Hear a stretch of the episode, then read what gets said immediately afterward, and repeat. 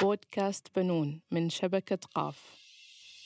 كرسي الأطفال في السيارة أصبح أحد الضروريات عند التجهيز لاستقبال مولود جديد ولا يجب الاستهانة بأهميته في حماية أطفالنا من مخاطر الطريق. حلقتنا اليوم بعنوان كرسي الأطفال في السيارة الجزء الثاني.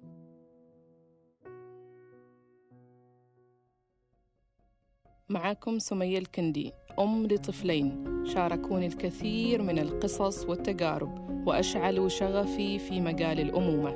هدفي الأسمى تنشئة وتربية أبناء مسؤولين وإيصال رسائل توعوية للمجتمع. بودكاست بنون رحلة مع تجارب وقصص واقعية بطرق عملية وسهلة. نتشارك المعارف لبناء جيل أكثر مسؤولية وعطاء لمستقبل أفضل للبشرية.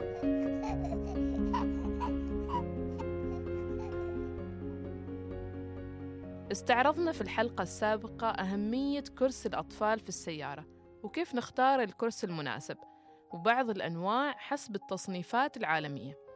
وبستكمل معكم اليوم الجزء الثاني وفي هذه الحلقة بتكلم عن نقطة جدا مهمة يشتكي منها الكثير من المربين.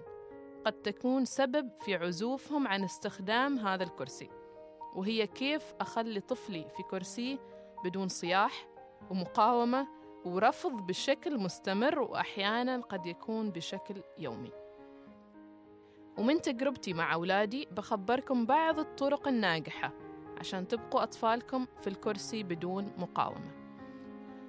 أولاً أهم طريقة أنه لما يتعود الطفل من عمر مبكر جداً الجلوس على الكرسي كلما قلت مقاومته ورفضه للكرسي. لذلك دائما ابدأوا باستخدام الكرسي من أول شهر للطفل. ثانيا تأكدوا من أن جميع احتياجات الطفل تم تلبيتها قبل وضعه على الكرسي. مثلا الحليب والأكل والحمام وغيرها. وبالتالي فإن صياح الطفل عند جلوسه لا يكون بسبب أمر مهم يحتاجه.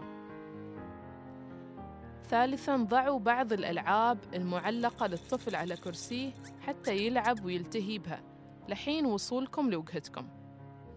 رابعا طنشوا الطفل في حالة صياحه لعدم رغبته في الجلوس في الكرسي. فكلما استجبت لرغبته في القيام من الكرسي كلما قاوم أكثر في جلوسه عليه ورفضه بشكل مستمر لأنه ببساطة يعرف أن والديه راح يستجيبوا له ويخرجوه من الكرسي. وهنا غالبا لما تطنش صياح الطفل هو بيعرف أن والديه ما بيخرجوه مهما صاح وبالتالي بيحاول يشغل نفسه بالألعاب أو إنه ينام وأكثر الأطفال الرضع دائما يناموا في السيارة أول ما نحطهم في الكرسي. خامسا استخدموا شاشة للمراقبة.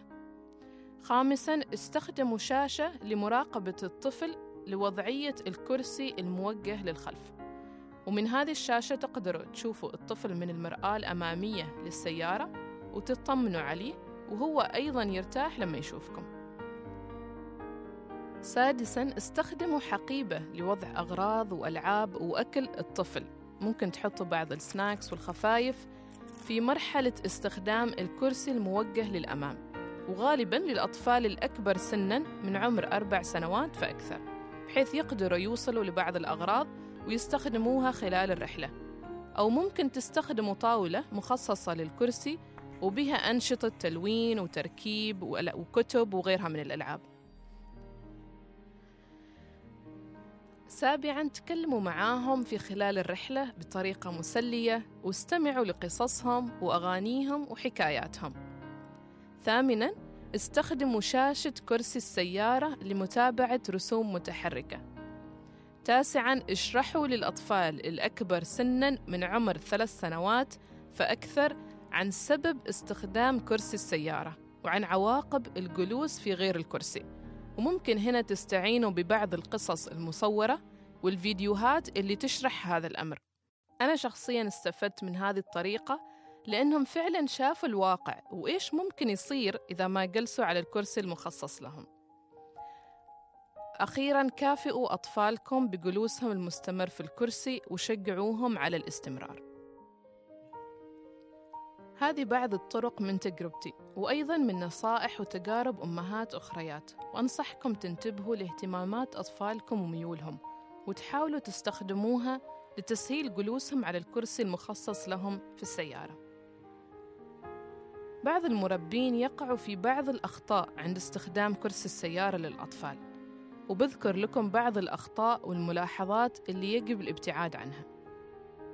واحدة من أهم الأخطاء هي وضع كرسي السيارة في المقعد الخاطئ حيث أن كثير من الآباء يقعوا في هذا الخطأ ويضعوا أطفالهم في المقعد الأمامي من السيارة بجانب السائق وهذا خطير جدا لأن هذا المقعد عادة يحتوي على كيس هوائي. الكيس الهوائي ينفتح عند حدوث أي اصطدام وبالتالي يكون تأثيره كبير جدا على الطفل إذا ما تم وضعه في هذا الكرسي. وينصح دائما بوضع كرسي الطفل في المقعد الخلفي ويفضل أن يكون في الوسط لأن تأثير الاصطدام يكون أقل. من أهم الأخطاء أيضا هي تركيب وربط كرسي السيارة للأطفال بطريقة غير صحيحة. ولاحظت شخصيا من واقع كثير مربين يضعوا أطفالهم في الكرسي بدون تثبيت الكرسي أو يضع الطفل بطريقة خاطئة. ولذلك يجب عند شراء أي كرسي اتباع تعليمات المصنع في طريقة تركيب وتثبيت الكرسي في السيارة بحيث يكون مثبت بإحكام وما يتحرك ويمر الحزام على كتفي الطفل وعند الصدر ويغلق تماما حتى لا يتحرك الطفل أو يخرج الحزام من يديه. أيضا لاحظت من تجربتي أن بعض الأطفال وزنهم صغير جدا وعند وضعهم في الكرسي تكون الوضعية غير مريحة للظهر والرقبة وبالتالي ينصح بوضع بطانية صغيرة ممكن تسند الظهر والرقبة وهذا راجع لكل مربي في تقدير أريحية وضعية الجلوس في الكرسي. من الأخطاء الشائعة أيضا الانتقال لوضعية الكرسي الموجه للأمام قبل الوقت المناسب. وحسب التصنيف العالمي كما ذكرنا سابقا فإنه يفضل استخدام أو تحويل الكرسي ليكون موجه للأمام بعمر سنتين أو عند وصول الطفل للطول والوزن المناسب حسب تقدير الشركة المصنعة للكرسي. ومن ملاحظتي مع أطفالي بأن الطفل بعد ما يكمل السنة يبدأ في الحركة أكثر وبالتالي بعض الآباء يحولوا الكرسي ليكون موجه للأمام حتى يرتاح الطفل. وأنا شخصياً غيرت كرسي أطفالي ليواجه الأمام بعمر سنة وثلاثة أشهر تقريبا. ولاحظت هنا أن وزنهم وطولهم مناسب للتغيير وأيضا نوعية الكرسي تسمح بذلك. من الأخطاء أيضا وضع الطفل في الكرسي مع ملابس ثقيلة وهذه الوضعية غير مريحة للطفل تماما وأيضا غير مريحة عند إغلاق الحزام الأمان. فينصح بنزع أي ملابس ثقيلة مثل جاكيت أو بطانية ووضعها كغطاء بعد ربط الحزام. أحد الأخطاء الشائعة أيضاً هي الانتقال لاستخدام الكرسي الداعم قبل الوقت المناسب ويفضل استخدامه في عمر أربع أو خمس سنوات حسب وزن وطول الطفل المناسب. كذلك استخدام الكرسي الداعم بطريقة خاطئة عن طريق استخدام الحزام على الخصر فقط بدون الأكتاف وهذه الوضعية لا تحمي الطفل نهائياً فينصح دائماً بوضع الحزام على الخصر وكذلك على منتصف صدر وكتف الطفل. أحد الأخطاء أيضاً الانتقال لاستخدام حزام الأمان في السيارة قبل الوقت المناسب بحيث ينصح عالمياً باستخدام الطفل لحزام السيارة في العمر بين 8 إلى 12 سنة. ويمكن معرفة الوقت المناسب من خلال ثلاثة أمور وهي طول الطفل بحيث يكون طوله متر ونصف ووضعية جلوس الطفل بحيث يكون ظهره على ظهر كرسي السيارة مباشرة وركبته موازية لحافة الكرسي. وأخيرا الحزام يمر على خاصرة وحضن الطفل وليس على المعدة. ومن الأعلى يجب أن يمر الحزام على منتصف الكتف والصدر وليس عند الرقبة والوجه. أخيراً من أهم الأخطاء استخدام كرسي مستعمل بدون التأكد من أدائه وقابليته وموائمته للطفل وكذلك إذا ما مرت عليه حوادث سابقة. هذه الأخطاء شائعة جدا في مجتمعاتنا ويجب على المربين الانتباه لها وكذلك اتباع التعليمات الموجودة في كتيب الكرسي من الشركة المصنعة. وأيضا أنبه هنا لضرورة التأكد من موائمة طريقة تركيب الكرسي لنوع السيارة فأغلب السيارات الحديثة بها آيزوفيكس والسيارات القديمة تستخدم حزام الأمان لتركيب الكرسي لذلك وجب التنويه بضرورة مراعاة توفر طريقة تركيب الكرسي في السيارة قبل شراء الكرسي. أختم هذه الحلقة بقصة مؤثرة جدا وصلتني من أحد الأخوات. تقول فيها قبل سنتين أختي تعرضت لحادث مؤسف بسبب إنها حاطة بنتها في حضنها وهي تسوق. وبسبب الحادث توفى ابن أختي وعمره ثلاث سنوات.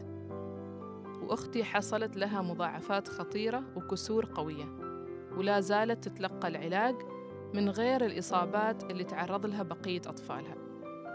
وأكبر ألم وفاة طفلها وأتمنى نأخذ العبرة من مثل هذه المواقف. فعلا أتمنى أن نعتبر من كل القصص اللي نسمعها لحوادث السيارات للأطفال. لذلك كونوا قدوة ومثال حسن لأطفالكم واربطوا حزام الأمان بشكل دائم في السيارة واتبعوا إجراءات السلامة للأطفال بشكل مستمر. والله يحفظنا جميعا ويقينا من كل مكروه. تحياتي لكم سمية الكندي.